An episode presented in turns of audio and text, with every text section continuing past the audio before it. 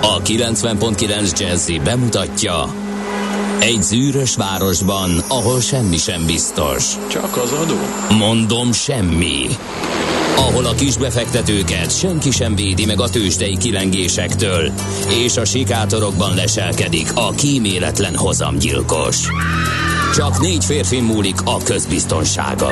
Hadnagy urak, merre vannak? A mindenre elszánt és korrumpálhatatlan alakulat vigyáz a rendre minden reggel. Hé, kik ezek az állati nyomozók? Négy férfi egyeset és egy nyalóka. Ács Gábor, Gede Balázs, Kántor Endre és Mihálovics András. Az íróasztal mögül pedig Profit kapitány diktálja a tempót. Humor, emberi sorsok, közönséges bűnözők és pénz, pénz, pénz. Egy különleges ügyosztály. A Gazdasági Muppet Show minden hétköznap reggel a 90.9 Jazzin. De is figyelj, ne csak a bárányok hallgassanak. De miért? Ha nincs pénzed azért, ha megvan, akkor pedig azért. Millás reggeli. Szólunk és védünk. Szép reggelt kívánunk, a pontos idő 6 óra 33 perc, és elkezdődik a Millás reggeli mai adása. Amikor nem tudom bemutatni a velem szemben ülő kedves eh, kollégát, ahogy szoktuk, eh, mert hogy eh, megosztottuk magunkat.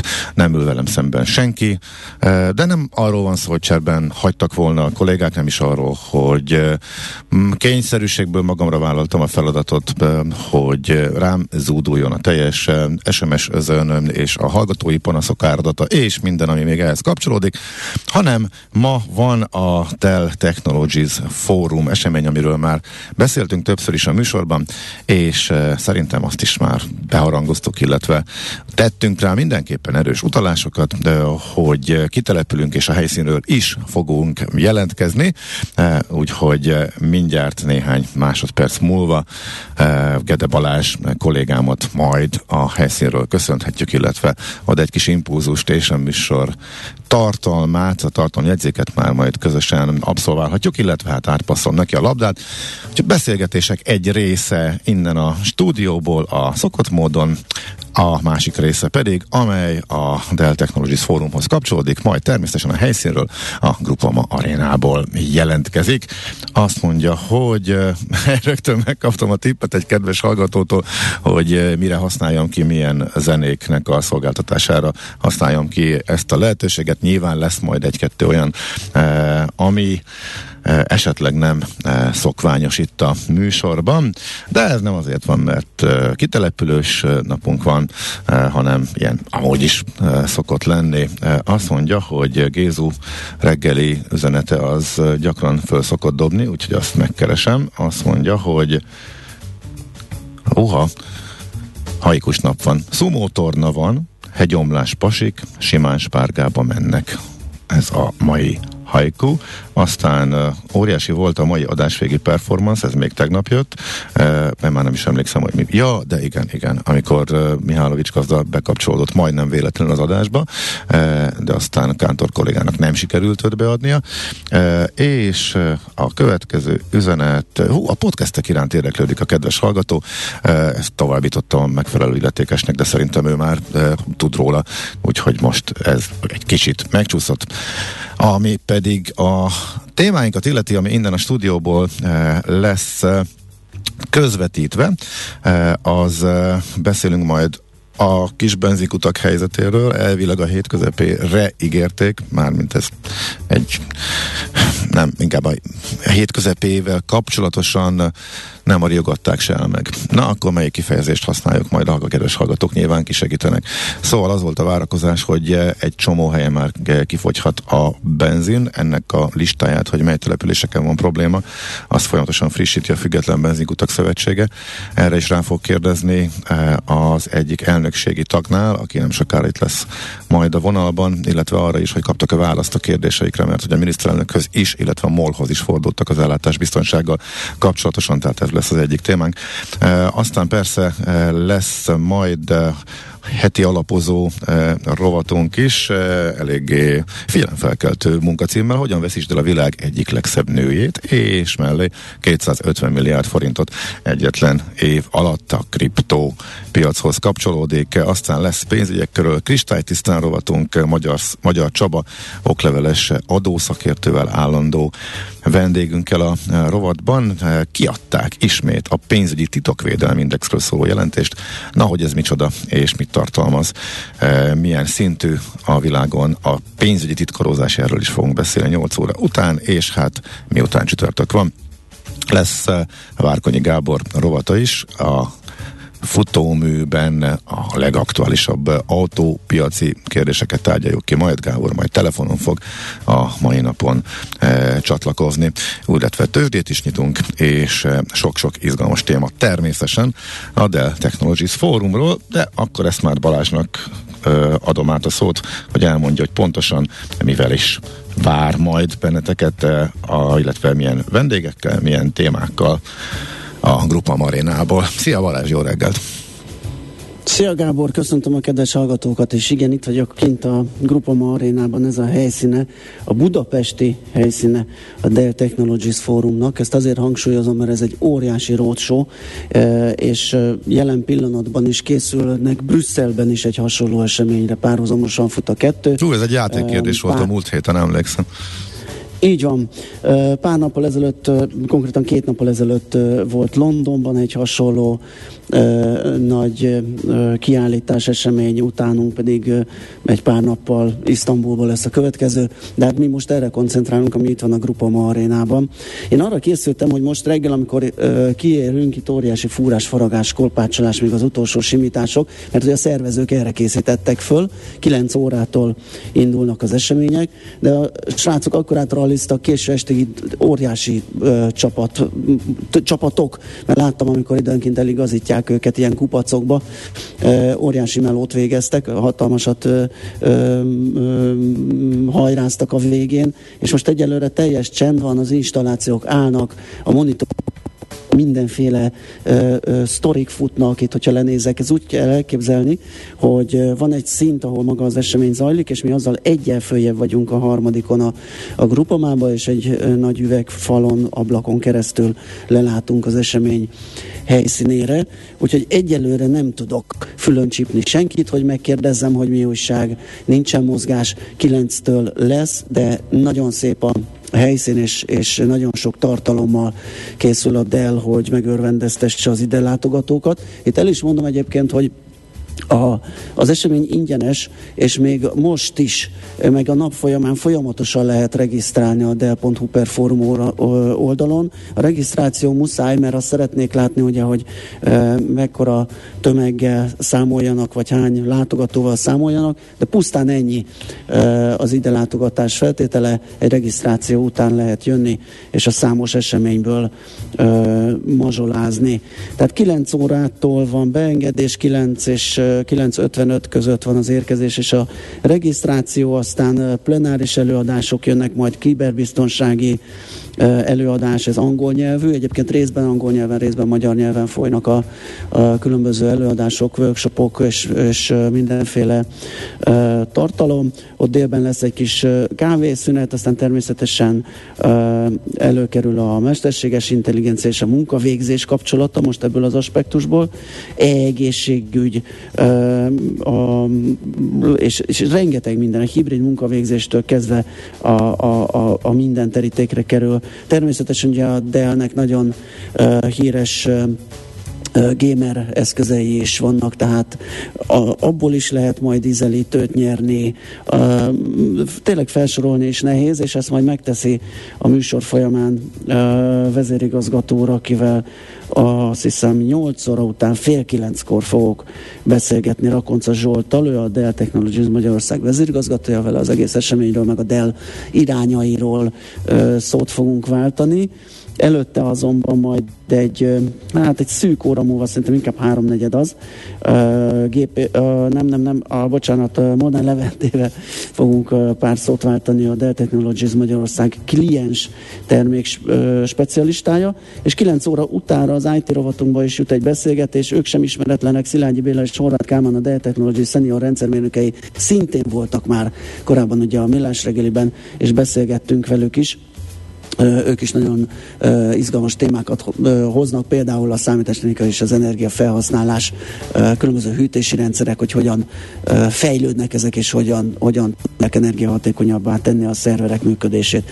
Úgyhogy bárki, aki kedvet érez, mert nem csak szigorúan szakmai, természetesen egy csomó szakmai előadás lesz, de, de szerintem a, a, a sima felhasználók, vagy az IT-ban kicsit is jártasabbaknak érdekes és izgalmas lesz ez, a, ez az esemény. Úgyhogy én mindenképpen azt javaslom, hogyha idejük, energiájuk engedi, akkor regisztráljanak, jöjjenek el, mert hogy egyébként még egy ilyen kis csemege is lesz, majd délután egy órától, hiszen ugye zajlik a fotball VB, és uh, itt a Grupa arénában azért mégiscsak kéne egy, egy uh, valamiféle foci eseményt, vagy ahhoz köthető eseményt is besuszterolni ide az IT tematikába. Hát kérem szépen délután egytől óránként exkluzív stadion túrát is szervezett a Dell, tehát aki arra kíváncsi, hogy uh, hogy néz ki a, a, az aréna, a gyep közelébe szeretne egy kicsit bele szippantani abba a levegőbe, amiben a nagy foci sztárok a napjaikat élik,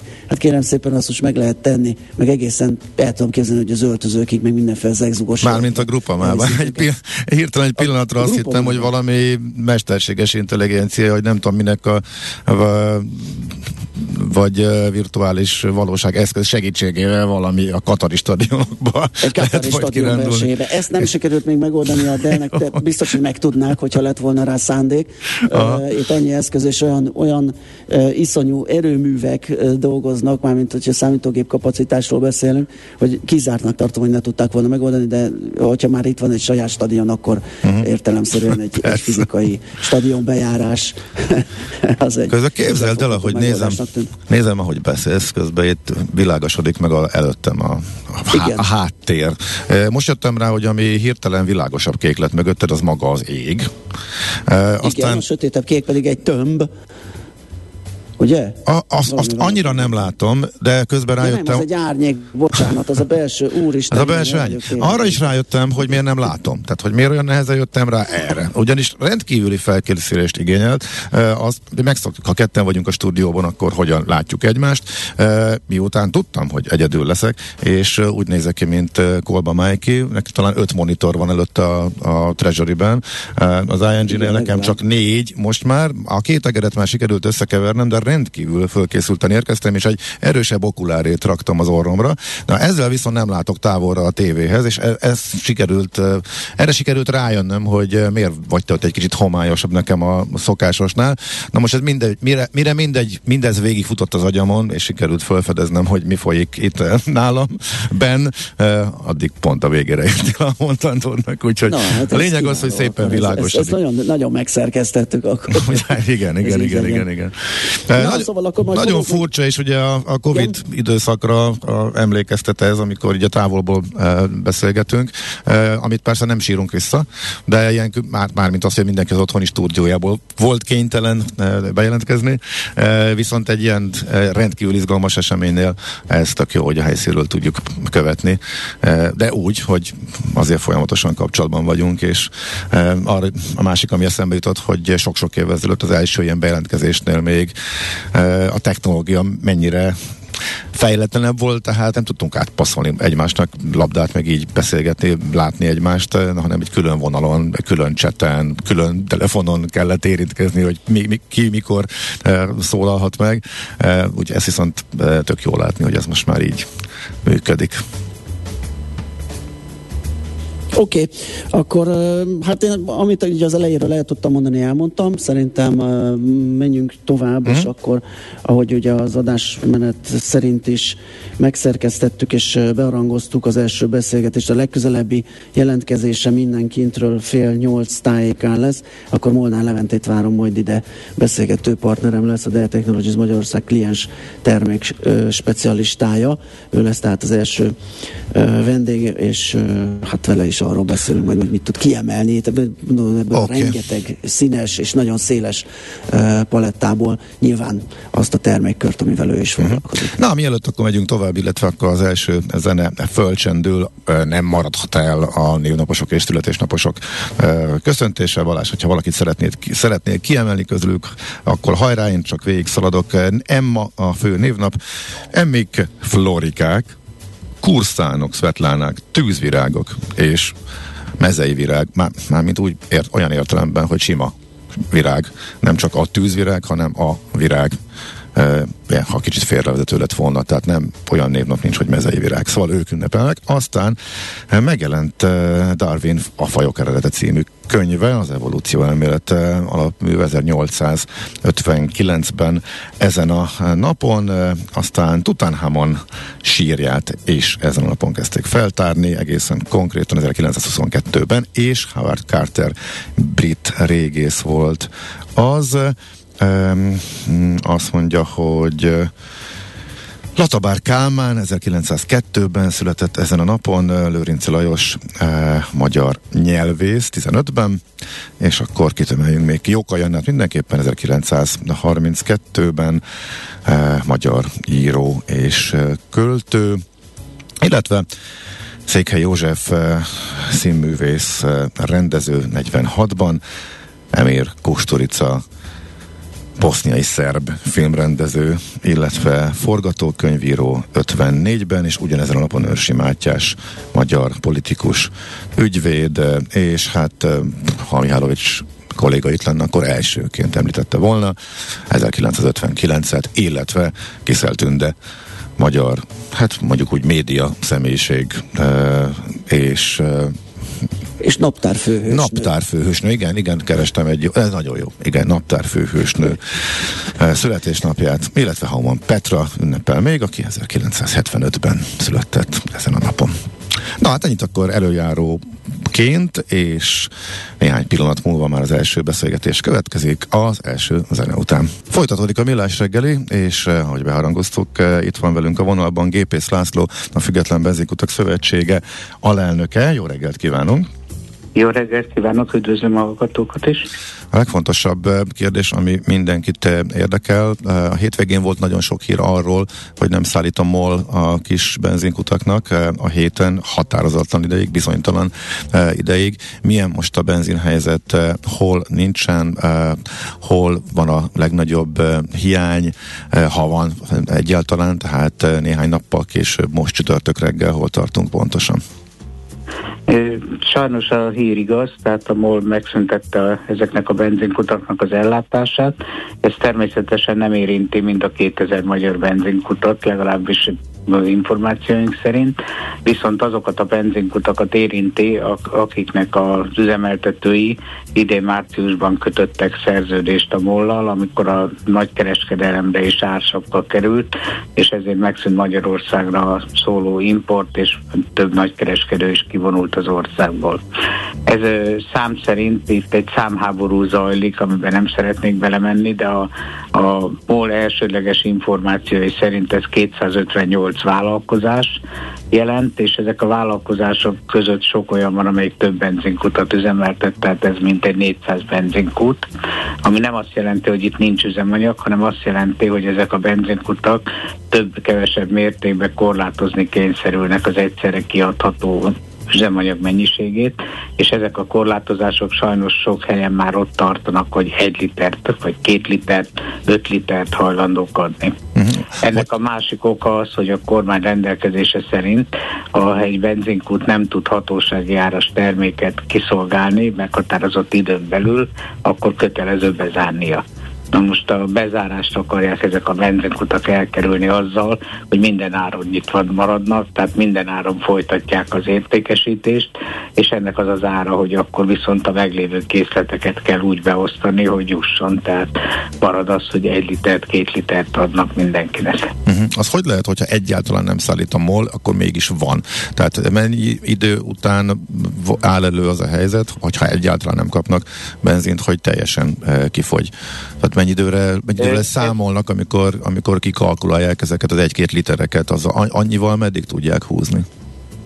Ez több tényezőtől függ. Tehát elsősorban attól, hogy mennyi a készlete jelen pillanatban annak a kútnak.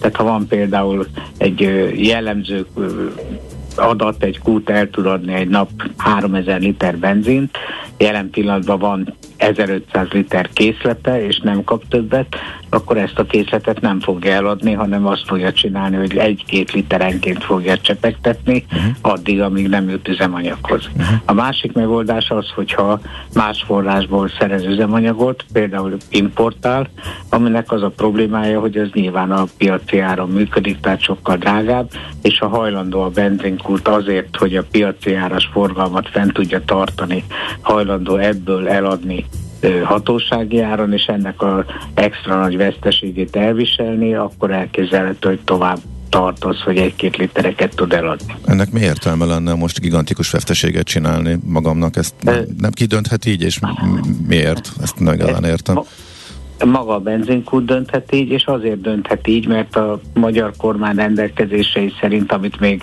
tavaly hoztak az ársakkal bevezetésekor, ha egy benzinkút arra kényszerül, hogy bezárjon, például azért, mert nincs üzemanyaga, akkor a miniszter joga kijelölni egy másik üzemeltetőt, aki gyakorlatilag elveszi a benzinkutat, és a saját örömére üzemelteti meghatározatlan ideig, bizonytalan feltételekkel, ki nem dolgozott részletek mellett, tehát teljesen értetetlen uh-huh. szabályozás. Tehát továbbra is az a, szabály, hogy, to, továbbra is az a szabály, hogy a MOL nem szállít, ha viszont ennek ellenére, vagy ettől függetlenül, ha ő nem ad el, akkor meg bezárhatják igen, akkor köteles bezárni, köteles bejelenteni, hogy nem tud mhm. értékesíteni, és ilyenkor megnyílik a joga a miniszternek arra, hogy kijelöljön egy másik szolgáltatót, akinek viszont köteles átadni a benzinkutját. Uh-huh. Na most erre még példa nem volt, de a fenyegetettség fennáll, és a törvényi szabályozás még mindig erről szól. Uh-huh. Szövetségünk már több ízben kezdeményezte, hogy a, a tavaly óta alapjaiban megváltozott helyzet miatt legalább ezt a részét a törvénynek vizsgálják felül, és valami valami normálisabb szabályozást hozzanak, mert ráadásul azt is el kell mondani, hogy itt nem arról van szó, hogy ha elfogyott minden üzemanyag, akkor kénytelen bezárni, hanem az a szabály, hogyha bármelyik elfogy. Tehát ha elfogy a gázolaja, akkor nem adhat benzint. Ha elfogy a benzine, nem árulhat gázolajat se. Be kell zárni. Nem árulhat gázpalackot se, be kell zárni a sopot is. Minden kereskedelmi tevékenységet meg kell szüntessen. Hát ez kinek jó? Mm-hmm, okay. jó. Hát így jobban értjük, hogy miért egy-két literenként adagolják a benzint. A, Sajnos a, ez uh-huh. kényszer. A megoldás az ugye nyilván az lenne, hogyha lenne üzemanyag, és az igazi megoldás az lenne, hogy attól lenne üzemanyag, hogy nem kellene az ársapka miatt kétszeres forgalmakkal számolni a normálishoz képest, és hát természetesen a helyzetet nem javítja az, hogy a molnál műszaki problémák merültek fel. Hát nagyon várjuk, hogy ezeket megoldják, és esetlegesen valamiféle ellátást helyreállítsanak. Erről az üze- megoldás az lenne. Erről az üzemzavarról meglepő módon csak ilyen nagyon kis rövid híreket láttunk, pedig ez komolyan befolyásolhatja a molnak a döntését, illetve azt, hogy kinek és mennyit tud szállítani. Ezzel mi a helyzet? Önök mit tudnak, hogy mennyi kapacitás esett ki itt Szászolombattal? Hát mi pontosan annyit tudunk, mint bárki az országban, aki a, a híradásokat figyelemmel kíséri.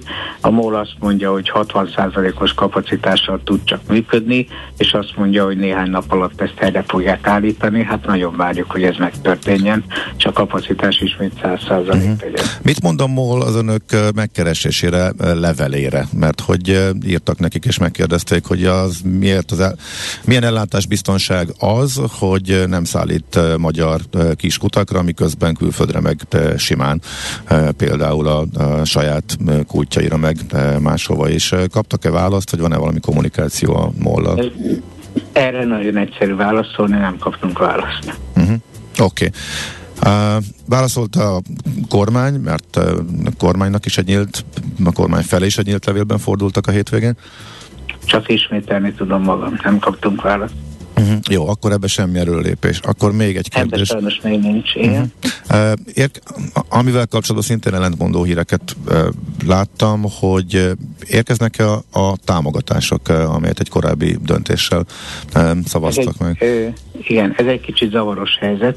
A támogatásokat mindig úgy ö, ö, állapítja meg a kormány, hogy van egy alaprendelet, ami szerint ö, milyen mértékben és hogyan kell ezeket kifizetni, majd ezt a rendeletet az ársapka meghosszabbítását jutották. És jelen pillanatban ott tartunk, hogy a harmadik negyed évre, tehát szeptember hónapig van ilyen élő rendelet, és az erre történő kifizetések elméletileg folyamatosan történnek, de még mindig nagyon sok olyan vállalkozásról tudunk, aki a mai napig még nem kapta meg ezeket a támogatásokat. Más a helyzet a negyedik negyedével, tehát október, november, december hónapokra, erre még a rendelet se jelent meg, tehát itt teljes a bizonytalanság. Ígéreteket hallottunk arra, hogy lesz továbbra is ilyen támogatás, csak hát ezt ugye előlegnek kellene kifizetni, mert az üzemanyagot előre kell kifizessünk a, a múlnak, tehát ennek a fedezésére szolgálna ez a támogatás, vagy ennek a részleges fedezésére, de erről még rendelet sincs, tehát gyakorlatilag hitelben működnek a benzinkutak, de a, minden benzinkut maga finanszírozza ezt a veszteséget. Most arra a benzinre is előleget kell fizetniük, ami aztán nem jön meg? Ö, nem, a molnál ez úgy történik, hogy ö, a rendeléskor visszaigazol egy mennyiséget, és arra kéri az előleget. A, azt a mennyiséget általában leszállítja, amit visszaigazol, csak most előre bejelentett, hogy nem fog visszaigazolni semmit. De akkor ezt legalább nem kell kifizetni. Hát ezt legalább nem, csak hát azért eltelt már másfél hónap a harmadik vagy a negyedik negyed évből, és ebben a másfél hónapban, amit vásároltunk, azokat előre kellett kifizetni, és hát azt honnan, miből. Uh-huh. Hát nem tudom, hogy mit lehet mondani. Itt azért a, de nyilvánvalóan az államnál pattog a labda, hogy ezt ennek a helyzetnek a rendezésére valamit tenni kéne. Önök szerint mi lenne a legsürgősebb, leg, legfontosabb? Legfontosabb, hogy üzemanyaghoz kellene juttatni ezeket a benzinkutakat, mert az egy nagyon szép szlogen, hogy a, az ország ellátás biztonsága az első, tehát könyörgöm, a vidék nem tartozik az országhoz, tehát ahol csak ilyen benzinkutak vannak, az nem az országnak a része, oda arra nem vonatkozik az ellátás biztonság. A másik, amit nem értünk, hogy amikor az ÖMB-nél történt probléma, ugye a Sveháti finomító leállása miatt, és az ÖMB-nek fogytak le a készletek, azonnal megnyitották a stratégiai készleteket, és ellátott, ellátták belőle az ÖMB kutakat. Most a, a kis magyar vállalkozásoknak, a kis magyar családok tulajdonában lévő vállalkozások nem érnek annyit, tehát az, azok nyugodtan halljanak meg. Tehát azt nem segítjük. Az exportot pedig a múlt tudomásom szerint nem függesztette fel, tehát külföldre pedig megy. Tehát én ebben érzek egy olyan olyan ellentmondást, amit azért nagyon sürgősen fel kellene oldani, és fel kellene ismerni, hogy ez a több száz benzinkút, ez magyar kisvállalkozások köztünk mászkáló egyszerű magyar emberek tulajdonában levő benzinkutak. Tehát aki kisfaluban él, mindenki ismeri a benzinkutas, hát fel tudja mérni, hogy ö, miről van szó, fel tudja mérni, hogy normálisan élő magyar családoknak a tönkretétele folyik éppen.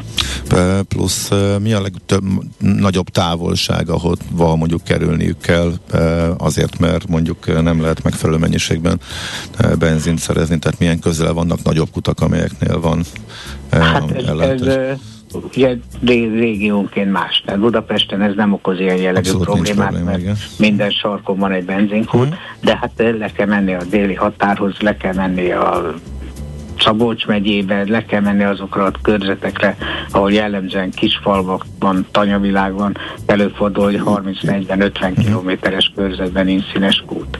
Hát ehhez képest a MOL azt tűzte ki célul, én is csak döbbenten néztem nem is tudom már melyik tévécsatorna iradójában, talán RTL-ban, olyat nyilatkoztak, hogy az a molnak a célja, hogy 30 kilométeres körzetben mindenki tudjon tankolni.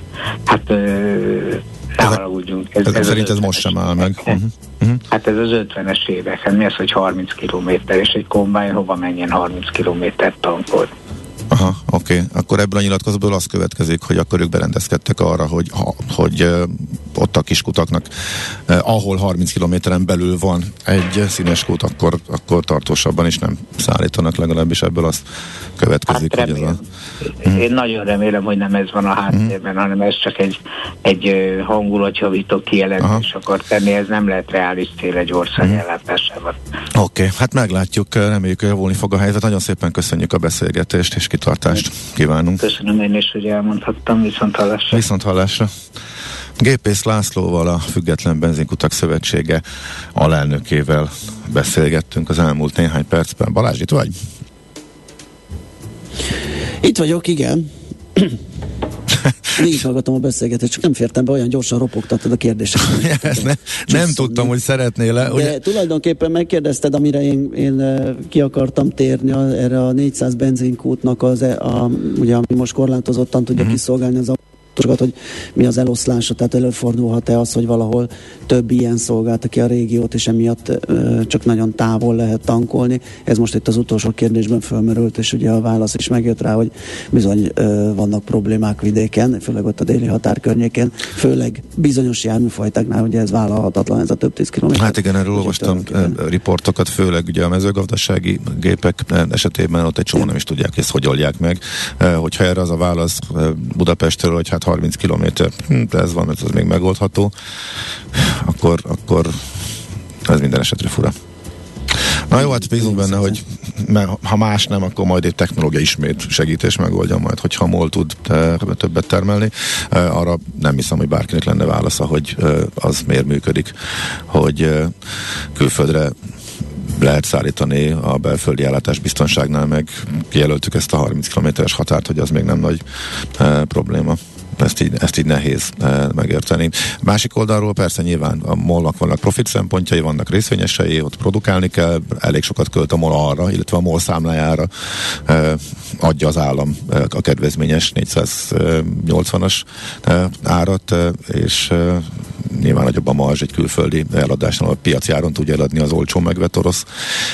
Na jó, de ilyen giga eredmények mellett most ne az legyen. Hát igen, hogyha- persze, igen, Tehát igen. Az, Tehát azért ennek most nagyon sok érintetje van ugye a negatív oldalon. Szerintem abból az eredményből vissza lehet adni egy kicsit, és máshogy ö, intézni ezt a ö, szolgáltatást. Na mindegy, meglátjuk, hogy ez hová fejlődik. A kérdés, hogy te tudsz valamit a hírszerkesztőnkről, ki fogja elmondani a híreket, vagy pedig most belecsapunk, és majd meghalljuk. Miután a hírsz- számára legyen meglepetés. Miután a hírszerkesztő személyével kapcsolatos kommunikáció olyan csatornákon folyik általában, amelynek én nem vagyok a részese, Én igen, és ott sem láttam. Ott sem érkezett információ. úgyhogy Ezért kérem, hogy esetleg valami külön vonalon, ott a szomszéd stúdióban esetleg látsz-e valami mozgást. Nem, és Zsoc, Zsoc kolléga is téged boldogít, úgyhogy ő sem tud bekiabálni a szomszédból, úgyhogy nem érkezett hozzám semmiféle információ, úgyhogy mindenki számára meglepetésként fog érkezni, hogy kimondja a híreket Na, a akkor következőkben. A reggeli rohanásban könnyű szemtől szembe kerülni egy túl szépnek tűnő ajánlattal. Az eredmény krétával körberajzolt tetemes összeg. A tethelyen a gazdasági helyszínelők, a ravasz, az agy és két füles csésze és fejvállalakzat. A lehetetlen küldetés megfejteni a Fibonacci kódot. A jutalom egy bögre rossz kávé és egy olyan hozamgörbe, amilyet még Alonso Mosley sem látott. Millás reggeli, a 90.9 Jazzy Rádió gazdasági mapetsója. Vigyázat! Van rá engedélyünk!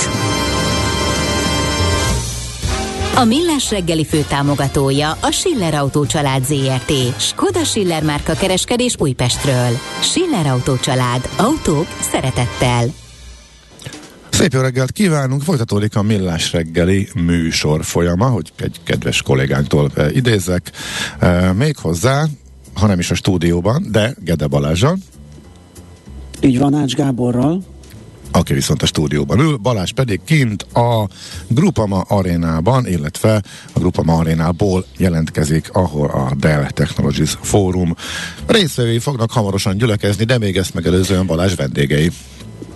Igen, egyébként már alakul a dolog, nem teljesen üres a látogatótér, ahol a rendezvény lebonyolításra kerül. Most már elkezdett egy-két hostess és host megjelenni, akik majd fogadják a vendégeket. Itt el is mondjuk gyorsan, hogy ó, de klassz, egy képet tudunk innen föntről mutatni a, a helyszínről. Aki lát minket a millásregeli.hu-n, az láthatja, hogy milyen klasszul meg vannak csinálva az installációk, számtalan monitor, egy csomó gép, készülék, ilyen kis házikó neonból, ami, ami nyilván egy ilyen otthont ö, próbál ö, ö, megjeleníteni, de van itt ilyen munkaállomásnak berendezett ilyen ilyen konferencia-szerűen létrehozott kis munkaterület. Szóval nagyon sok mindent próbál majd a Dell bemutatni itt a helyszínen, és uh, akit érdekel, nem csak szakmabelét, hanem pusztán a, a, az újdonságok iránt, technológiai újdonságok iránt érdeklődőknek, azoknak elmondjuk, hogy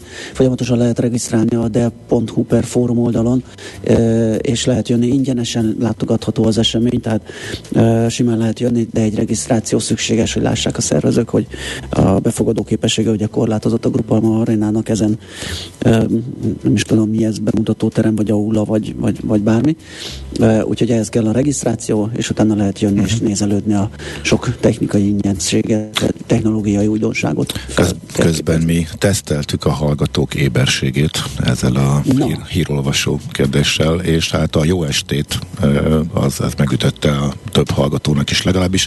Nyilván oh. még sokkal többnek, mint a uh-huh. visszajelezték ezt, elég sokan néhány smiley kíséretében. Igen, természetesen néha zavar támad az erőben, és dolgozunk dolgozunk azon, hogy reggeli hírek is szóljanak a rádióban klassz, a, a továbbiakban. Ezt Kicsit lassan megoldottam azt a problémát is, hogy egyik monitortól nem látom a másikat, illetve hogy a két egér közül mikor melyikhez kell nyúlnom, úgyhogy ha minden igaz, akkor most képes leszek elindítani a közlekedési szignált is. Budapest legfrissebb közlekedési hírei, itt a 90.9 jazz Mit láttál ott a Grupama környékén? Gondolom kilátsz az ablakon. A forgalomra látsz rá, vagy nem a forgalomra? Nem, abszolút nem. Egy belső parkolóra háztetőt látok. Hát azt tudom elmondani, hogy korán reggel 3 6 kor kiválóan járható volt a Hungária körút. Jó, viszont van probléma, azt mondja, hogy az M1-es bevezetőn Budapest felé, hogy pontosan hol, azt nem írja a hallgató, de négy-öt autó ütközött össze, innen akkor várunk még plusz információkat, lehet, hogy ebből komoly dugó is kialakulhat. Igen, papa lő közlekedés infót nem ír, csak azt, hogy tegnap csontig vizesedtem, de ma még fázom is. Amúgy meg nincsenek már olyan rettentően sokan errefelé, legalábbis egy 20 perccel ezelőtt még ez volt a helyzet a Blaha környékén. Hol zárt? Hol nyit? Mi a sztori? Mit mutat a csárt? Piacok, árfolyamok, forgalom a világ vezető parketjein és Budapesten. Tősdei helyzetkép következik. Tősdei helyzetkép hangzott el a Millás reggeliben. Budapest, Budapest, te csodás! Hírek, információk, érdekességek, események Budapestről és környékéről. Hát azért szerintem még azt a tőzsdét vigyesszük ide. Igen, ez így, ez így nagyon gyorsan meg volt. Gyorsan, Ennyire... mint egy tőzsderovat indítjuk a Budapesten. Ennyire nem volt unalmas azért a tőzsdei kereskedés, hogy ennyiben tudjuk le, nagyon gyorsan azért összefoglalnánk. Nagyon érdekes volt, mert olyan ritkán van olyan a budapesti tőzsdén, hogy egy napközben érkező hírre markáns reakció érkezzen. Itt viszont úgy lecsapták a részvényeket, amikor, ja, hát most egy olyan információ, ami nem is volt annyira új, mert a Spiegel megírta már reggel, semmi reakció, majd amikor lényegében ugyanezt megírta a, a azt mondja Frank, Frankfurter Allgemeine Zeitung, uh, hogy mégsem jönnek az uniós pénzek, és mégis pénzelvonást javasolnak, akkor nem tudom ugyanúgy végigment a hírügynökségeken a spiegeles információ, őszintén szóval nem értem. Lehet, hogy a londoni befektetőkhöz csak az utóbbi Nézd, jutott el, vagy... be a kaput ilyenkor a befektetőnél, hogyha több forrásból, tehát ugye egy, egy hír nem hír ö, alapon, oké, okay, kiszivárgott, megírta egy lap, hát ebből lehet még akármi, de amikor ez elkezd már más oldalról is ö, szivárogni és jönni és ö, publikálják ezeket az infókat, akkor már elgondolkoznak a befektetők is, és olyankor jön a rémület. Egyébként 1500 pont körül esett napon belül az index. Hát az markánsan igen. Megfigyelhető, hogy hol jött a, a hír a csárton egy Igen. igen. nagy függőleges Nagyon ritkán látunk ilyet. vonalka. Igen, igen, igen. Az összes részvény pluszos volt, vagy, vagy, vagy a nulla környékén. Tehát anyá volt az OTP szép, kényelmesen áttörte a 11 ezres szintet, és nyugalmas, jó hangulatú kereskedés folyt, és akkor egyszer egyszer csak elkezdték értelmezni ezt a hírt, és hirtelen mennyit? 700 forintot? Azt hiszem 11, 10.004-ig talán, de hogy néhány, néhány perc alatt megállás nélkül korrigált vissza, lecsapták, és a felét utána visszahozta, volt egy kis megnyugvás, többi részvény is hasonlóan reagált, így lett. Nem olyan nagy mínusz egyébként a magyar tőzsdén, de azért a hangulatot elrontotta. Ugyanaz a forintnál, hogy nézett ki, az 405 környékén volt, és itt is, amikor a befektetők elhitték, hogy úgy gondolták, hogy ez ez nekem akkor is furcsa, hogy ott volt a reggel is a hír. Én néztem, érdekes, semmi reakció forint részéről. Ugyanaz kijött egy másik lapban, és akkor meg hirtelen 405-ről 413-ig, vagy 10, ott is egy nagy ugrás volt. Aztán visszatért ott is a felét visszahozta 409-10 magasságában, találta meg az egyensúlyi állapotot, úgyhogy igazából emiatt volt eh, izgalmas a a kereskedés, mint a budapesti eh, piacokon részvényekkel is, meg a forinttal is, eh, mert eh, egy, annak, egy, a uniós pénzek folyosítását, illetve érkezését, illetően egy rosszabbik forgatókönyv kezdett körvonalazódni legalábbis eh, lapinformációk alapján. Amerikában ismét egy enyhén pozitív napot láthattunk. Ez nem volt még az elején egyértelmű, voltak kis mínuszok, voltak kis pluszok, először kis plusz, és a végére megint egy szerény emelkedés összejött, és most a fölfelében az idei évben rosszabbul teljesítő technológiai papírok vitték a prímet, és tegnap is úgy nézett ki, hogy a Nasdaq már majdnem elérte az 1%-os emelkedést, ellenben az S&P 500-as 6%-ot, a Dow Jones pedig csak 3%-ot emelkedett. Igen, a végén az amerikai kereskedésben ez a felfelé konkor, ez a, az elmúlt uh, nyíltpiaci bizottsági ülés jegyzőkönyvének köszönhetően uh-huh. kiderült, hogy már több monetáris politikai döntéshozó az enyhítés, vagy a lassítás, ugye az emelés lassítása, vagy uh-huh. kisebb mértékű uh, szigorítás felé hajlik, ennek örültek meg a befektetők. Aha, de hát ugye ez már a kiderült a Jerome Powell, Powell szavaiból is em, korábban, de úgy tűnik, hogy leírva látták ö, a jegyzőkönyvben, akkor ez ismét e, tudott még hangulat. Hát meg ott, meg, ott, meg ott nem úgy van, hogy Jerome Powell dönt egyedül, Igen. tehát azért jobb lesz látni, hogyha az egész monetáris tanács álláspontja van egy jegyzőkönyvben, tehát ott, ott nem ilyen egy személyes vezérlés van, mint esetleg máshol. No, hát akkor most a két szignál lement, átérhetünk a budapesti hírekre, és ha már is szépen Nagyszerű. egyben folyattuk a e, dolgokat. Ja, még a X- kategóriáról nem ejtettünk szót, bocsánat, még arra akkor e, kerítsünk sort a budapesti piacra egy pillanatra visszakanyarodva. A Naturland részvényeknek a 24%-os emelkedése e, emelhető ki, e, ráadásul forgalom is volt mellé, e, 3 millió e, fölötti az x a többi papír eléggé szűk sávban mozgott, e, már ahol értelmezhető e, forgalom volt. A Gloster esette bő 1%-ot, a nappapírok pedig e, egy százalékon belül, eh, ahol még értékelhető forgalmat láttunk. Na és akkor gyorsan mi újság eh, Budapesten. Ú, ez a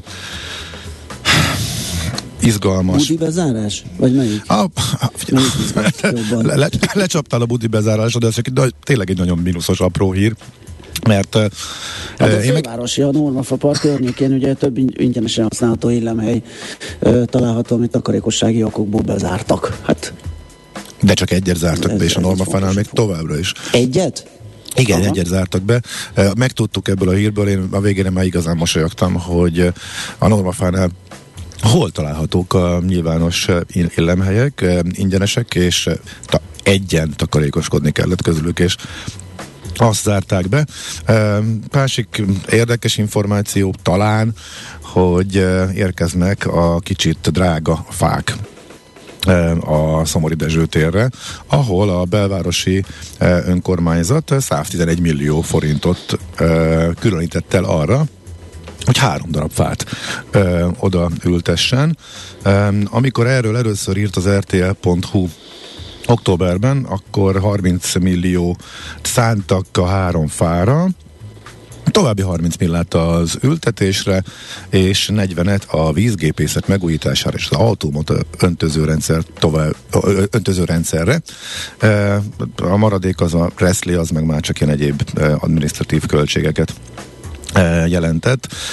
Most már legalább túrnak, és az egyik ellenzéki képviselő azon mosolygott még, hogy kirakták a táblát, hogy április 31-ére végezni fognak, ami ugye egy 30 napos hónap. A lényeg az, hogy elkezdték, és fotóra sem lehet tudni, hogy mi kerül ezen ennyibe, de legalább már érkezik a három extra méretű fa. Azért is kerül egyébként sokba, mert egy új és nagyon modern módszerrel végzik az ültetést, az úgynevezett stokholmi módszerrel. A gyökérzetét egy speciális vázrendszerbe helyezik a fának, és úgy alakítják ki a talajt, hogy garantálja a vízáteresztés és megfelelő levegőzést. A vita azon van, itt kerületi szinten is nyilván a politika is vastagon belefolyt ebbe, hogy ezt a módszert a szakértők szerint csak fasorokban érdemes alkalmazni, és nem olyankor, amikor csak néhány különálló fát ültetnek, úgyhogy ez még egy érdekes hír Budapestről. Nekünk a Gellért hegy a Himalája. A Millás reggeli fővárossal és környékével foglalkozó rovata hangzott el. Ezt tudtad? A Millás reggelit nem csak hallgatni, nézni is lehet. Millásreggeli.hu Benne vagyunk a tévében. Bizony benne vagyunk, eh, és eh, kitelepültünk, eh, mert a mai napon különleges műsorunk van. A Grupama arénából is jelentkezünk a Dell Technologies fórumról, ahol ott van Gundel Takács Gábor. Legalábbis ezt írja a hallgató. Sziasztok, Balázsnak itt távolról olyan hangja van, mint Gundel Takács Gábornak. Először azt hittem, hogy ő az. Na jó van, szia Gundi, ki az első vendéged? Hát köszöntöm a kedves hallgatókat, innen a Grupa Barridából. nem tudom, hogy kell Gundinak uh, Gundi hangot csinálni, de és de úgy, ahogy eddig, és akkor... Magamtól nem jutott volna eszembe, de utána egy kicsit egy vissza... Egy picit igen? tényleg, igen, igen, igen. Aha, na hát akkor figyelj, teljesen stílusos, hiszen a helyszín az adott. Igaz, hogy a téma az más, nem sportesemények és nem foci közvetítés az, ami most itt éppen zajlik, hanem egy eszméletlen jó technológiai kiállítás, a Dell Technologies Forum. Éledezik a, a kiállítótér, most már tényleg egyre többen vannak, úgyhogy nem sokára indul is a buli, 9 órától és ahogy már azt elmondtuk egy párszor, hogy folyamatosan lehet regisztrálni az eseményre, ingyenes a program látogat, vagy programok látogatása, de regisztrációhoz kötött, és azt a nap folyamán még meg lehet tenni. Nos, itt van első beszélgető partnerem, Molnár Levente, a Dell Technologies Magyarország kliens termék specialistája, aki nem hiszem, hogy ismeretlen a hallgatók előtt, hiszen azt hiszem, hogy azt a beszélgetés sorozatot, amit a millás reggelben folytattunk veletek, azt éppen te zártad a múlt héten. Szia, jó reggelt! Így van, szervusz, üdvözlöm a kedves hallgatókat! Na hát akkor is nagyon izgalmas témánk volt volt, ugye akkor, akkor az ilyen felhasználó által tanított ö, ö, számítógép ö, egy, egy ilyen különleges programozás, alkalmazás ö, volt terítéken. Most viszont itt, amikor próbáltam felsorolni, hogy mi minden lesz a, a, a fórumon, hát ö, eszméletlen színes a paletta, úgyhogy nem is tudom, hogy mit tudnánk kiemelni, ezt inkább rád bíznám. Húja Istenem, tehát igazából melyik kezembe harapjak, még gyerekem, ezt szeressem jobban. Hát talán, hogyha, hogyha egy, egy termék családot most szeretnék kiragadni, akkor az, az, az legyen a Precision, már csak azért, mert idén 25 éves. Ó, hát akkor igazán megérdemli, hogy említést tegyünk róla. Tehát ilyen, ilyen úgymond már nagyon öreg, öreg neveink vannak, tehát jövőre egyébként 30 éves lesz az Optiplex, tehát az asztali PC termékcsaládunk. Idén a Precision-t ünnepeljük, mind ugye a mobil munkállomásokat, uh-huh. mind úgy természetesen a fix asztali munkaállomásokat, hogyha igazán nagyon erős teljesítményre van szükségünk. Igen, én említettem, hogy itt ilyen erőgépek is uh, kiállításra kerülnek, azt hiszem, hogy ez, ez pont egy, egy annak a képviselője. Kik használják, mit tud ez? Találkozhatunk mi ilyen tök hétköznapi felhasználók, akik ilyen laptopokkal rohangálnak ezzel? Persze, hogy ne, tekintettel arra, hogy akik ezeket használják, ők is teljesen átlagos emberek, csak egy kicsit nagyobb teljesítményre van szükségük a, a, mindennapi életbe. Gondolok például fejlesztőkre, mérnökökre, hogyha összeadjuk őket, akkor fejlesztőmérnökökre, de természetesen filmesek is használják, videószerkesztéshez, vagy hanganyagok szerkesztéséhez.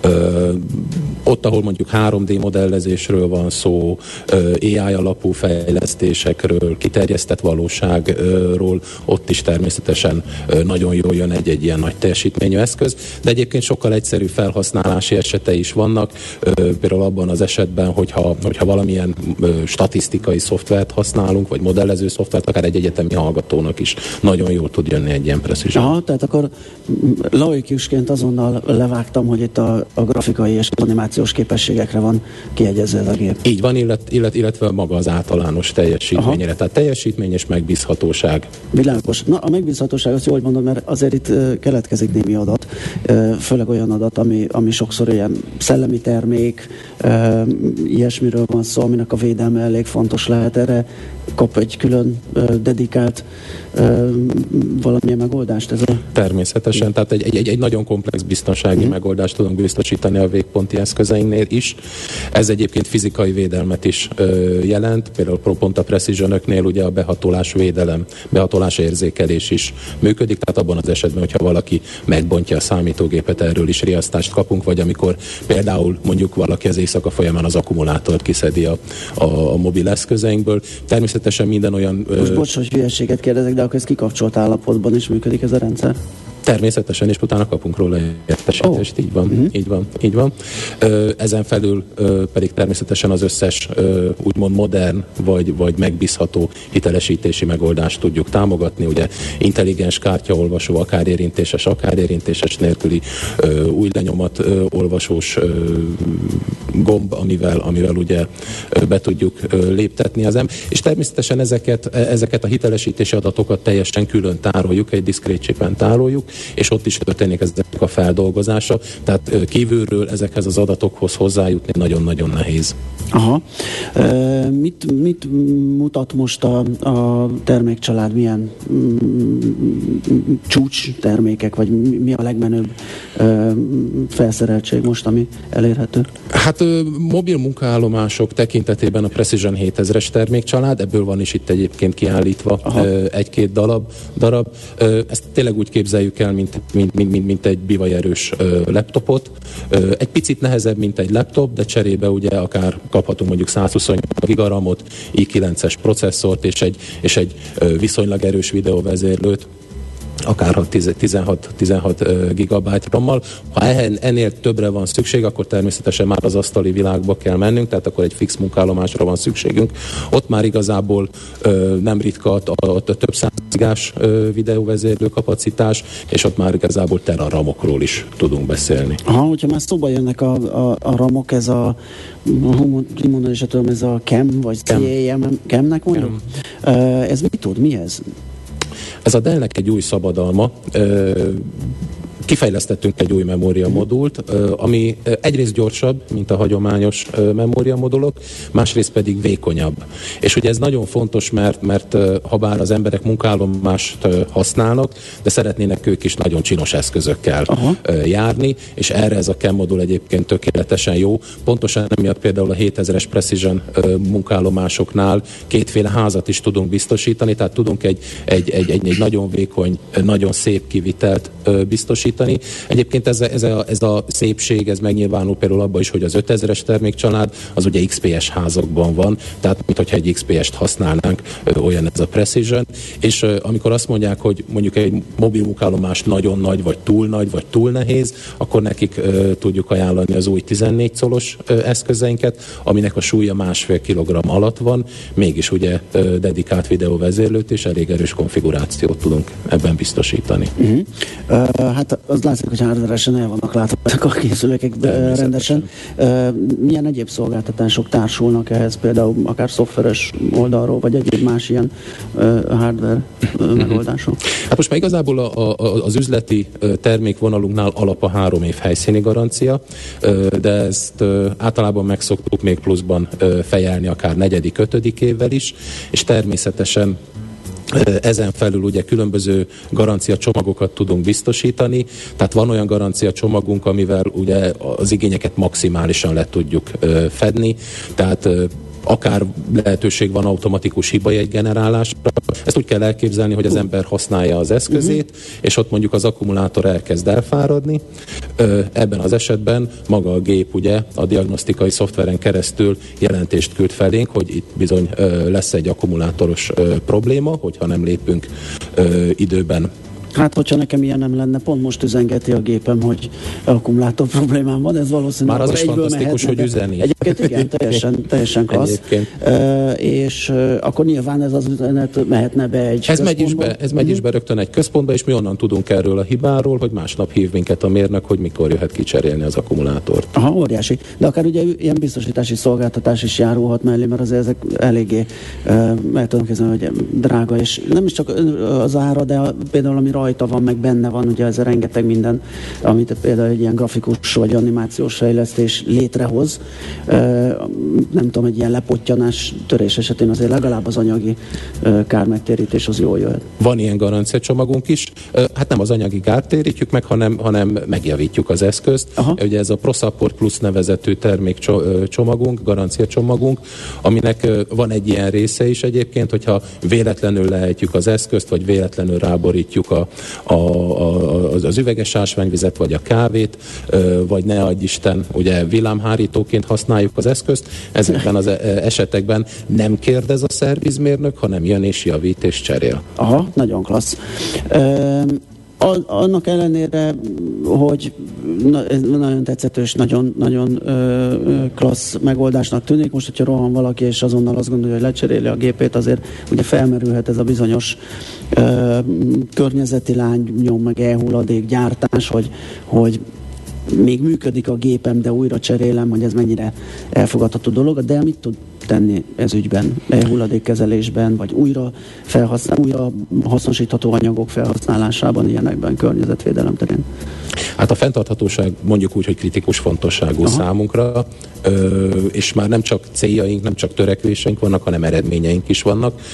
Ö, például a kokáért egyébként a, a, a, a termékek visszavétele, újrafeldolgozás céljából nálunk már 1996-ban elindult ö, globálisan, és hát most már ez egy hatalmas üzlet, tehát ezt, ezt, ezt ki lehet mondani, és mi ehhez mellé raktuk a saját célunkat, szeretnénk azt elérni, hogy minden egyes eladott géppel párhuzamosan egy gépet feldolgozzunk. Uh-huh. Mert az elektronikai hulladékok egyébként közel 100%-ban felhasználhatók, újrahasznosíthatók, tehát egy, egy viszonylag úgy mondom hálás anyaggal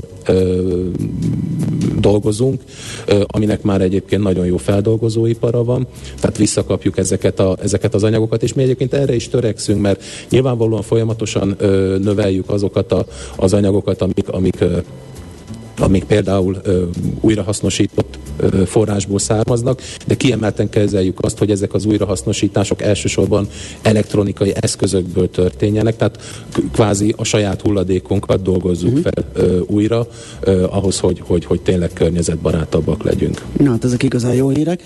Jó, hát arra buzdítunk továbbra is mindenkit, hogy regisztráljon és látogasson ki ide a, a Dell Technologies fórumra, többek között ugye ez is, a Precision is, uh, meg uh, vagy látogatható, kipróbálható. Neked lesz előadásod esetleg? Lesz, lesz kettő Tehát akkor is. ezekről a témákról bővebben is lehet hallani. Uh, nagyon köszi, hogy ezt a pár percet ránk szántad. Molnár Leventével beszélgettem a Dell Technologies Magyarország kliens termékspecialistájával. Én köszönöm szépen. Megfelelő alapozás nélkül képtelenség tartósan építkezni. A Ferde torony ugyan látványos, de egyben aggasztó is. Kerüld el, hogy alaptalan döntések miatt Ferde pénztarnyat építs. Támogasd meg tudásodat a Millás reggeli heti alapozójával.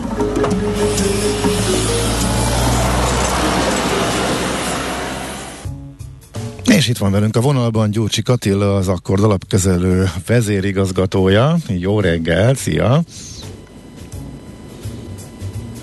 Haló, haló, szia, jó reggelt! Haló, hallatok? Há, igen, Haló? igen, igen, most már akkor Szia, szuper. jó reggelt, Jó igen. reggelt, sziasztok! Hogyan veszítsd el a világ egyik legszebb nőjét és 250 milliárd forintot egyetlen év alatt címmel írtál? Felé, valljuk be, elég figyelem felkeltő ö, cím. Tegyük gyorsan. Komoly traumáról árulkodik a blogbejegyzés, igen. Igen, tegyük, ez akkor most egyértelmű, hogy van a kettő között összefüggés, Eh, tehát, eh, hogy a sztárpár, mindjárt elmondott, kikről van szó, az, Igen. az irgalmatlan bukás miatt szakított, hogy bele bulvárosodjunk rögtön az elejébe? Nem is tudom, hol kezdjem. Az igazság, azt gondoltam, hogy ez egy ilyen könnyes téma lesz így ma reggel. Nem, nem az Aztán lesz. rájöttem, rájöttem hogy, hogy, hogy van egy komoly problém, hogy én nem tudom, hogyan kell kiejteni a hölgy nevét, úgyhogy egész reggel ezt gyakoroltam, hogy ne roncsam el.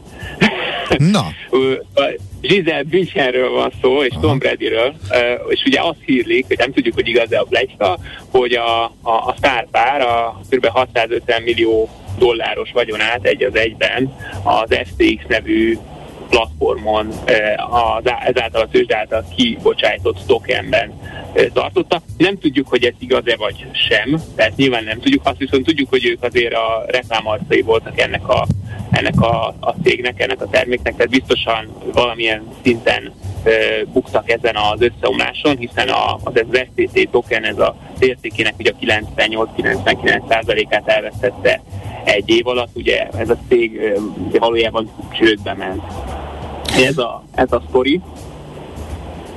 igen. É, Ez a sztori, ugye a, a, mielőtt még ugye ebben nagyon bele mennénk, ugye én, én mindig azt szoktam, tehát egy, egy picit ilyen kicsi disclaimerrel kell kezdeni mindig, amikor az ember eh, erről a kriptópiacról beszél, hogy most ugye sokan eh, írnak erről a témáról, én csak azt szeretném, ugye két dolgot szeretnék ezzel kapcsolatban. Egyrészt, hogy én már viszonylag régóta van egy elég sarkos véleményem erről a kérdésről, ha nem most kezdtem el élezni hogy a, nyelvem ezen a sztorin most, hogy kihullott egy csontvád a szekrényből, hanem ugye jó pár éve, meg ugye veletek is elég sokszor beszéltünk már arról, hogy, hogy azért nekem alapvetően eléggé negatív a véleményem erről a, erről a történetről. Persze nyilván, hogyha mégiscsak kiderül, hogy feltaláltuk a globális bőségszarút, akkor én leszek az utolsó, aki azt mondja, hogy ne csináljuk, csak, csak azért e tekintetben eléggé szkeptikus vagyok. És ugye az egész, ami miatt erről szoktam beszélni, meg írtam, meg felvállaltam a sok negatív kritikát, amikor amikor sokan nem értettek egyet a véleményem, az az volt, pont az, az volt, hogy ha már egy ember sikerül arról meggyőznöm, hogy ne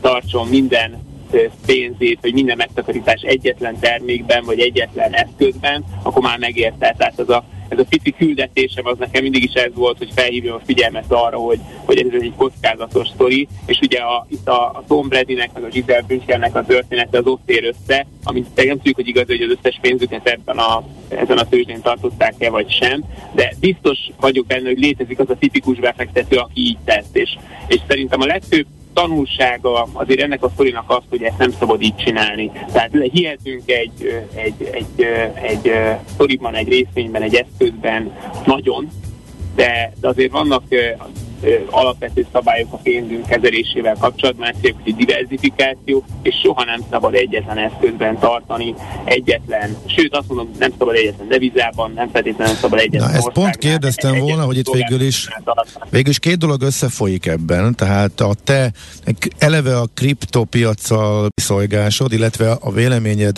arról, hogy a kriptopiac az mi, meg ott milyen kockázatok vannak, és ettől, ha jól értem, teljesen független az, hogy ne rakjunk sok eszköz egy kosárba, egyik piacon, vagy, vagy egyetlen eszköz, egy köz, ez ne, Igen. Szóval egyetlen eszközben ne rakjunk túl sok pénzt, hanem osszuk meg a pénzünket, építsünk portfólió, diversifikáljunk.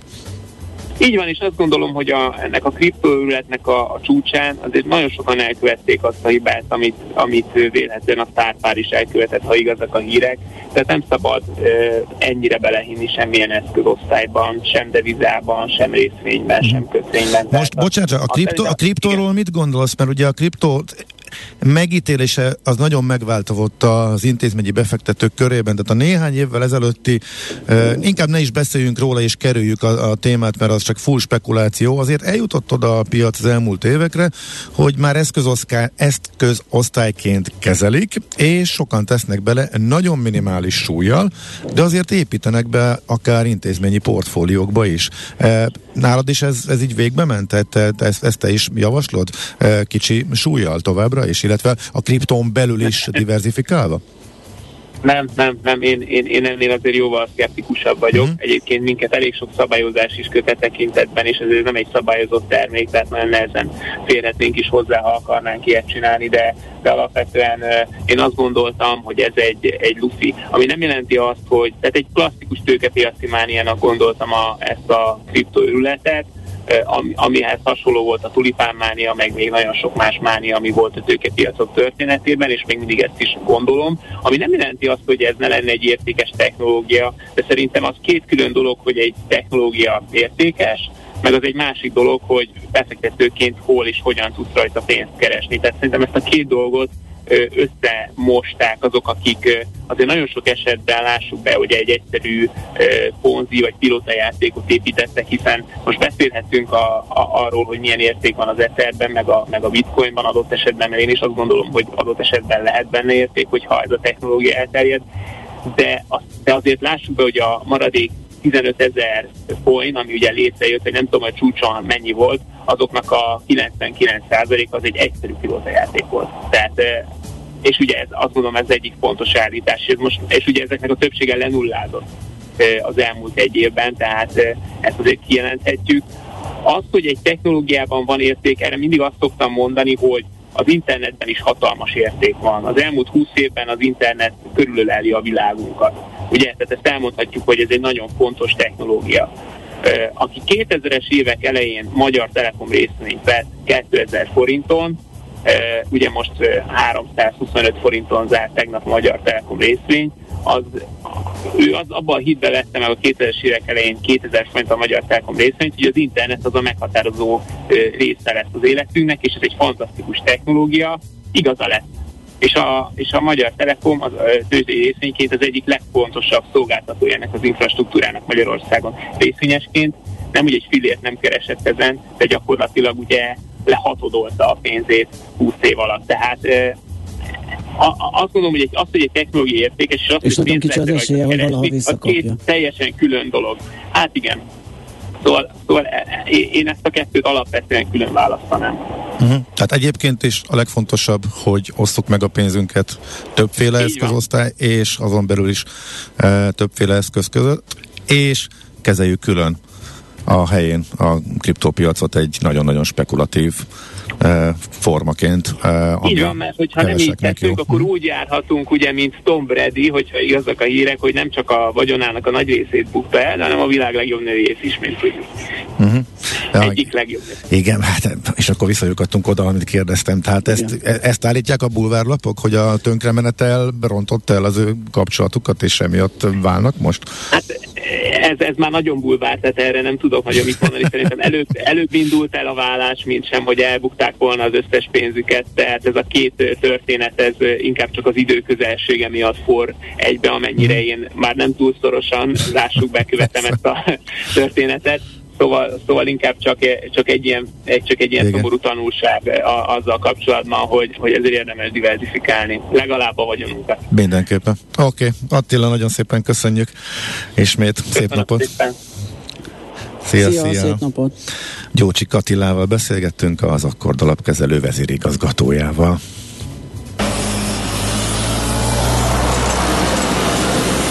Heti alapozó rovatunk hangzott el a Millás reggeliben, hogy döntéseinket megfelelő alapokra tudjuk helyezni. Na, most 8 ütött már az óra. Um, hallgatók szerint egy kis nátha is kell uh, ahhoz, hogy uh, Kede Balázsból Gundel Tokács Gábor váljon, mármint uh, hangilag és uh, összekeverhetőségileg. Uh, igen, hát biztos, hogy van valami. Úgyhogy Igen. Nem tudom, sok összetevős, a nátra az, az úgy nincs meg, de az, hogy nem egy teljesen szigetelt helységben vagyunk, egy kicsit ilyen csarnokszerű ez a dolog, valószínűleg ez gundis, gundítosította el a Úgyhogy az egy, annak én nagyobb szerepet tulajdonítok, de hát a lényeg az, hogy itt vagyunk kint a Grupama arénában, és ahogy említettük, lehet regisztrálni, és lehet majd jönni 9-től. Az, a végét nem mondtam, hogy fél négyig tart a rendezvény, úgyhogy valaki, hogyha tervezi, akkor még akár ebéd után is ki tud ruccanni egy óra alatt, akár végig szaladhat. Hát nyilván akkor nem fog tudni annyi mindent kipróbálni, meg megnézni, de legalább egy betekintést kap arról, hogy mi is van itt. A következő órában természetesen új témákkal és új vendégekkel jövünk innen a stúdióból, illetve a Grupama, Grupama arénából is, eh, ahol a Dell Technologies fórumot eh, tartják, és ahol Balázs eh, igen, én viszi a prímet. A, igen. A, a Dell Technologies Magyarország vezérigazgatóját Rakonca Zsoltot várom majd ide fél kilenc környékén, miután Magyar Csabával beszélgettünk egy pár pénzügyi, meg jogi dologról.